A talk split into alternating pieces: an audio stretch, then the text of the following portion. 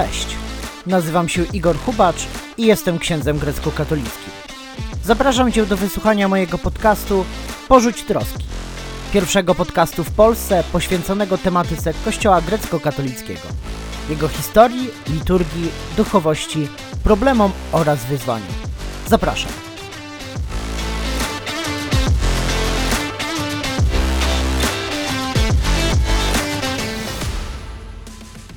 Witam Was w pierwszym odcinku mojego podcastu Porzuć Troski. Na początek pozwólcie, że powiem kilka słów o sobie oraz o tym, skąd w ogóle wziął się pomysł na zrobienie takiego podcastu. Ja nazywam się Igor Hubacz, jestem księdzem grecko-katolickim. E, święcenia kapańskie przyjąłem w 2015 roku. E, jestem żonatym księdzem, mam troje dzieci. Obecnie pełnię funkcję wikariusza e, w parafiach grecko-katolickich w Posłęku, Elblągu oraz Gotkowie. Pełnię także funkcję kanclerza kurii naszej eparchii olsztyńsko-gdańskiej, a także wykonuję jeszcze kilka innych funkcji, ale nie tutaj tu miejsce i czas, e, aby o tym wszystkim mówić. Natomiast e, skąd pomysł na podcast? Otóż od dłuższego czasu zastanawiałem się nad tym, w jaki sposób jeszcze możemy my jako, jako Kościół, jako e, duchowni, co możemy robić, aby docierać do jak największej ilości osób. Przede wszystkim, aby docierać z dobrą nowiną, by głosić Słowo Boże, ale też by opowiadać o sobie, o Kościele grecko-katolickim, który jest y, niezwykle bogatym kościołem, jest największym kościołem katolickim e, wschodnim na świecie, z niezwykle bogatą historią, duchowością, liturgią oraz tradycją. I zauważam często, jak wiele osób, kiedy pojawia się w naszych cerkwiach czy przy różnych e, rozmowach, jak zachwycają się tą wspólnotą eklezjalną, o której, jak się okazuje, tak naprawdę niewiele wcześniej wiedzieli. No i zrodził się pomysł na taki właśnie podcast. Mam nadzieję, że pomysł okaże się, okaże się trafiony, a to wszystko okaże się dzięki Wam, dzięki temu, jakie będą Wasze reakcje na ten materiał. Również liczę na Waszą pomoc w przygotowaniu tych podcastów, abyście podrzucali mi pomysły, na przykład o tym, o czym chcielibyście posłuchać, może z kim chcielibyście, aby został przeprowadzony wywiad.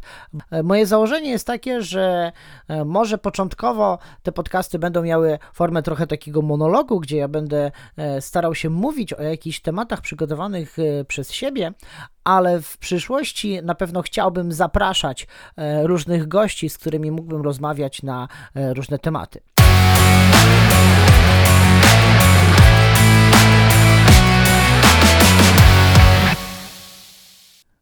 Takim momentem przełomowym na drodze do realizacji tego projektu był sobór naszego kościoła grecko-katolickiego, wszystkich trzech naszych eparchii, który odbywał się jakiś czas temu w Proszewicach koło Łodzi i jednym z tematów soboru był Kościół grecko-katolicki w mediach.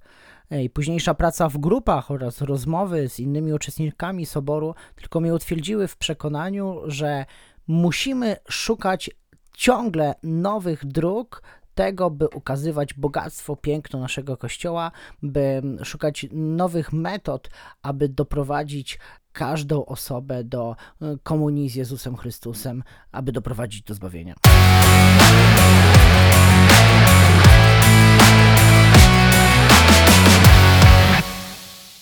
W pierwszym odcinku mojego podcastu chciałbym wyjaśnić tytuł, który wybrałem, mianowicie Porzuć troski. Porzuć troski to parafraza zakończenia pierwszej części hymnu cherubinów, który śpiewamy w każdej boskiej liturgii Jana Chryzostoma. Pozwólcie, że przypomnę słowa pieśni cherubinów. My, którzy w sposób mistyczny cherubinów przedstawiamy i życiodajnej Trójcy po trzykroć święty hymn śpiewamy. Odłóżmy teraz wszelką życiową troskę, abyśmy przyjęli Króla Wszechświata, którego niewidzialne niosą zastępy aniołów. Alleluja, alleluja, alleluja.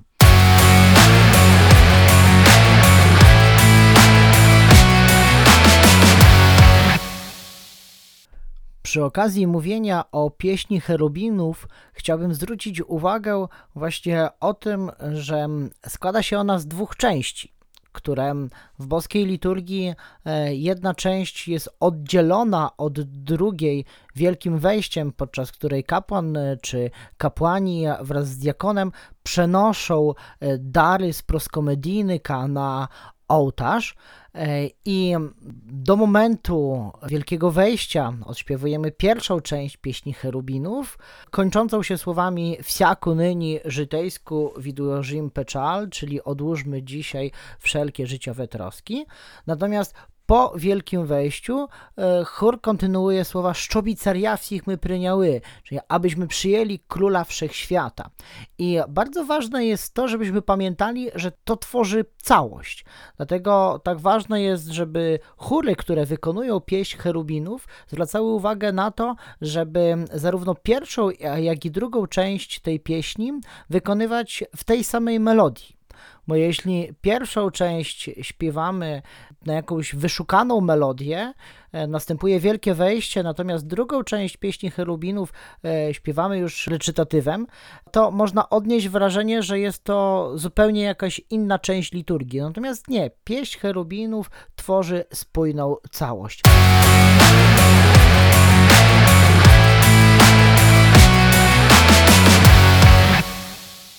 Wysłuchajmy pierwszej części tej pieśni.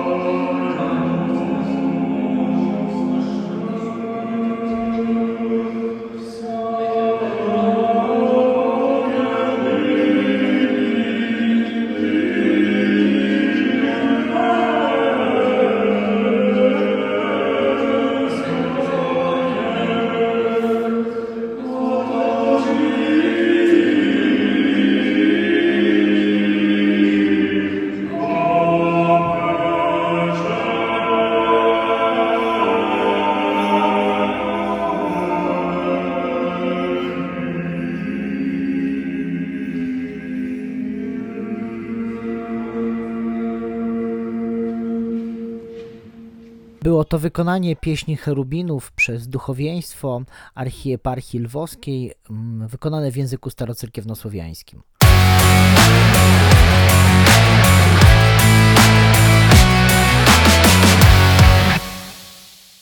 Ksiądz profesor Janusz Czerski w swojej książce Liturgia Kościołów Wschodnich pisze o pieśni cherubinów w następujący sposób.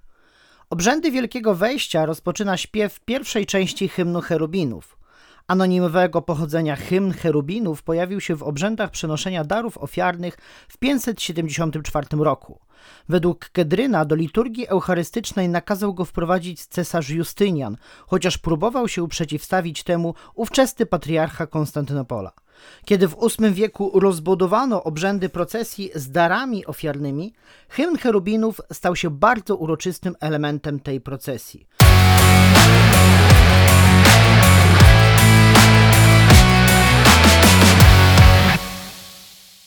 Pieśń cherubinów uświadamia nam, że biorąc udział w boskiej liturgii tutaj na ziemi, jednocześnie bierzemy udział w Eucharystii, która jest sprawowana w niebie.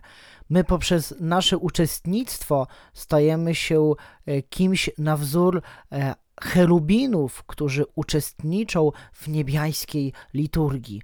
Dlatego też tak ważne jest to, by biorąc udział w tej liturgii, odrzucić wszelkie życiowe troski, czyli pozbyć się wszystkiego tego, co może nam przeszkodzić w pełnym uczestniczeniu w tej liturgii.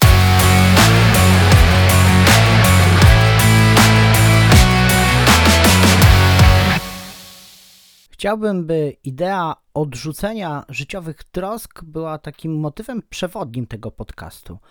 By mimo różnych e, tematów, które będziemy tutaj poruszać, e, może też e, pewnych kwestii, co do których nie będziemy wszyscy zgodni, żebyśmy na zakończenie mimo wszystko mieli na horyzoncie tego Chrystusa Eucharystycznego, bo widząc go, będziemy w stanie odrzucić te wszelkie życiowe troski i rozwiązania mogą okazać się łatwiejsze niż myśleliśmy i bliżej nas niż sądziliśmy.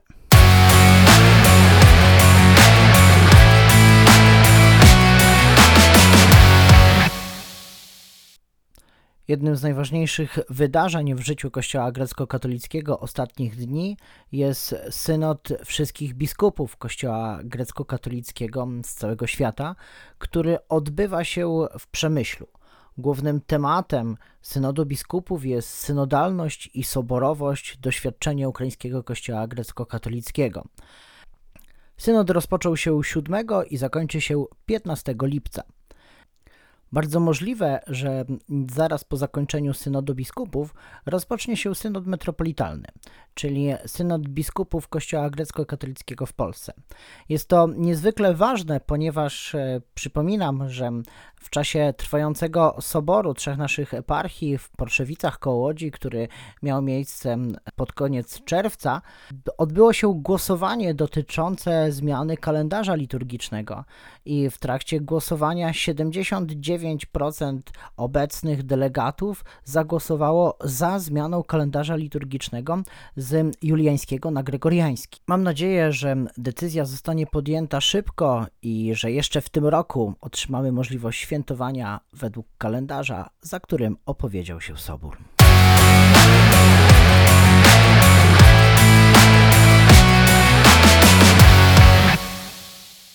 Był to pierwszy odcinek mojego autorskiego podcastu Porzuć troski.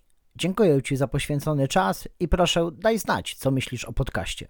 Czy taka forma jest dla Ciebie zrozumiała i ciekawa? A może chciałbyś zaproponować jakiś temat, który warto byłoby poruszyć w kolejnych odcinkach?